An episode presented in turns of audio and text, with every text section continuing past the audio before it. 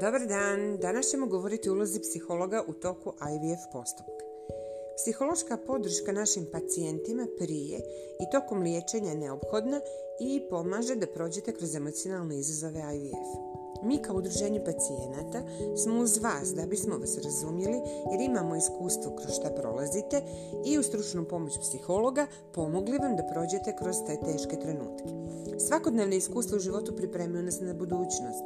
Ovaj proces koji je vama vrlo vjerovatno prvi put možda u početku će vama djelovati jako zbunjujuće. Preporučujemo da razgovarate sa psihologom na prvom mjestu kako biste uklonili bilo kako nesnoć i kako biste ispravno procijenili svoj proces, bolje ga razumjeli i bolje razumjeli svoje osjećanje i ponašanje. Svoje osjećanje. E, potrudit ćemo se da pružimo odgovore na najčešća pitanja. Ta pitanja su obično koja je uloga psihološke podrške u IVF-u Psihološka podrška pomaže vama da olakšate proces liječenja i smanjite učinke stresa koji negativno utiču na trudnoću. Intenzivni stres ponekad može negativno uticati na reproduktivne funkcije, što ih čini nesposobnim za ispravno funkcionisanje. Psihološka podrška ima za cilj da se smanji ili miniše ovaj rizik. Osim toga, psihološka podrška će vama pomoći u provladavanju dugotrajnih posljedica svih neuspješnih prethodnih slučajeva, ako ste ih imali. Šta se dešava tokom terapije? Pa recimo, tokom prve sesije e, obično se vrše intervju sa pacijentima, zatim se procjenjuje utjecaj njihovog problema na njihov vlastiti i društveni život. Na kraju sastanka odnosno sesije od pacijenta, od pacijenata koji žele nastaviti dalje, traže se da popune upitnik. Namjera prve sesije jeste u stvari da ispune očekivanje pacijenata i da ponude rješenje za njihove probleme. Kako su recimo sesije osmišljene?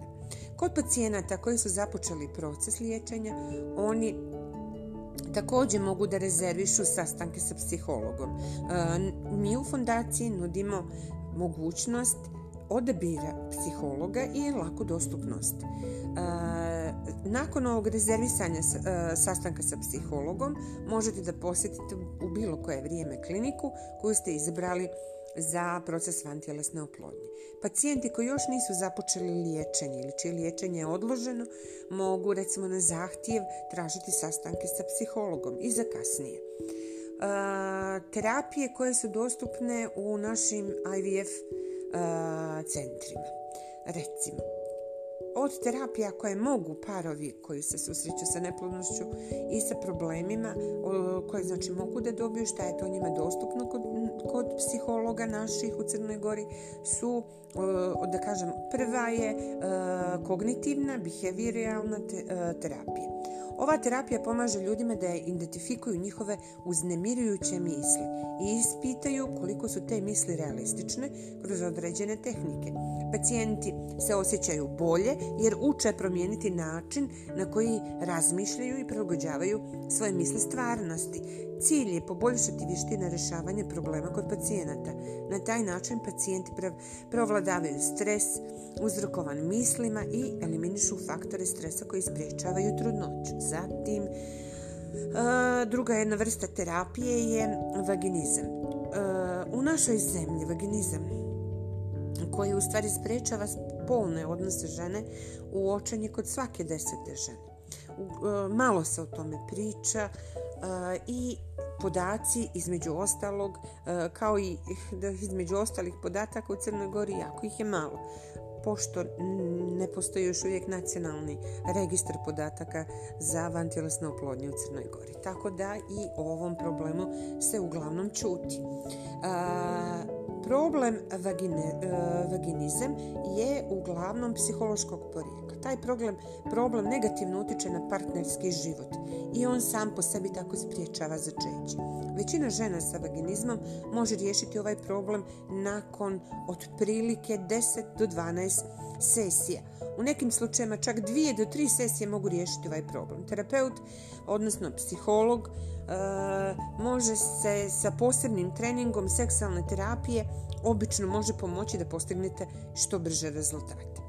Zatim e, sljedeća je recimo terapija psihoedukacije. To su recimo treninzi čiji je cilj da se pripreme parovi da započnu svoj prvi IVF tretman. Tokom ovih tretmana raspravlja se E, treninga raspravlja se o psihološkim učincima neplodnosti i njihovom liječenju. U isto vrijeme cilj ovog treninga je da se pruži perspektiva o tome kako procijeniti psihološke aspekte liječenja.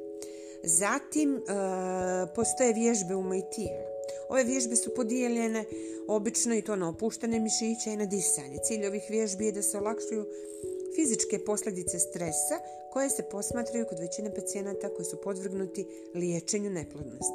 Ove dvije metode posebno se koriste u klinikama za neplodnost u razvijenim zemljama. E, sprovedene su studije koje pokazuju pozitivne rezultate ovih metoda u smislu trudnoće.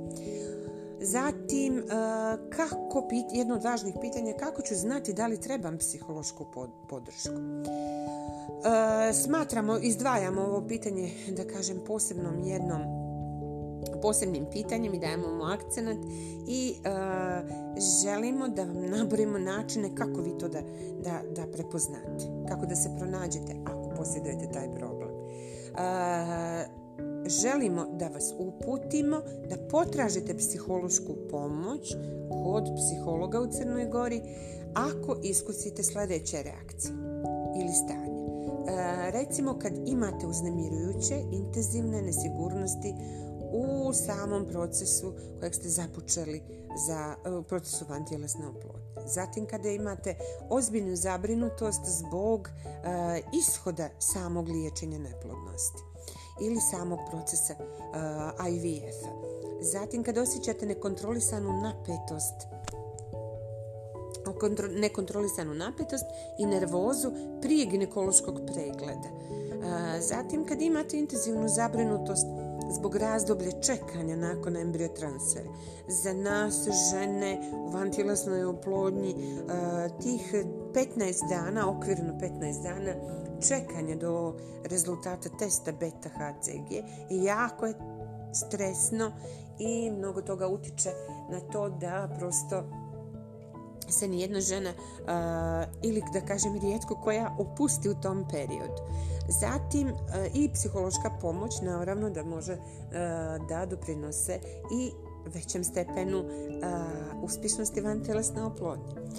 Kada imate recimo intenzivnu palpitaciju srca, uznemirenost, znojenje, obmrlost, osjećaj peckanja recimo prije bilo kog postupka vezanog za liječenje.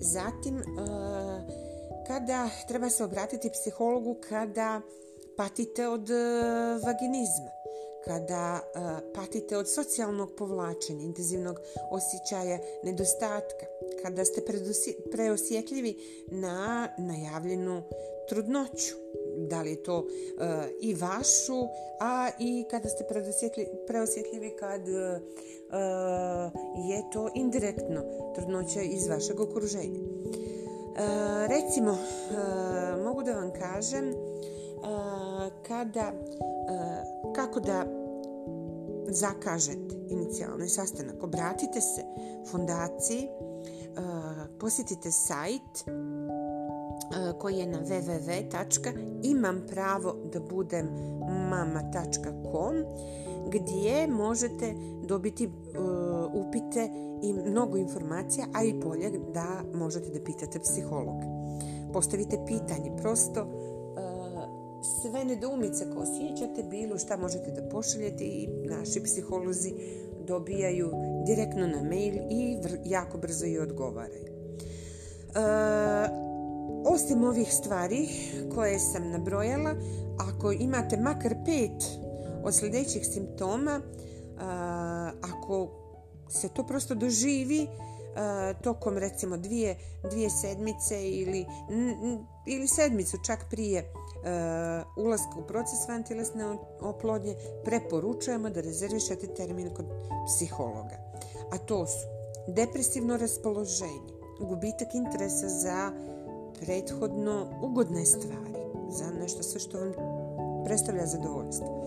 Ako imate poremećaj spavanja, ako su promjene u apetitu, isto tako i težini, ako su oscilacije ogromne, ako osjećate umor, nedostatak energije, ako osjećate bezvrijednost, ako ste neodlučni, ako osjećate krivicu, ako je, imate teškoće u održavanju fokusiranosti, ako imate probleme sa zaboravljanjem stvari i ako mislite da kažem i o smrti i samoubistvu psiholozi su tu fondacije, tu mi smo zajedno na putu do beba sa vama. Želimo vam svako dobro, obratite se na broj telefona 068 045 456 za sva dodatna pitanja. Svako dobro! Thank you.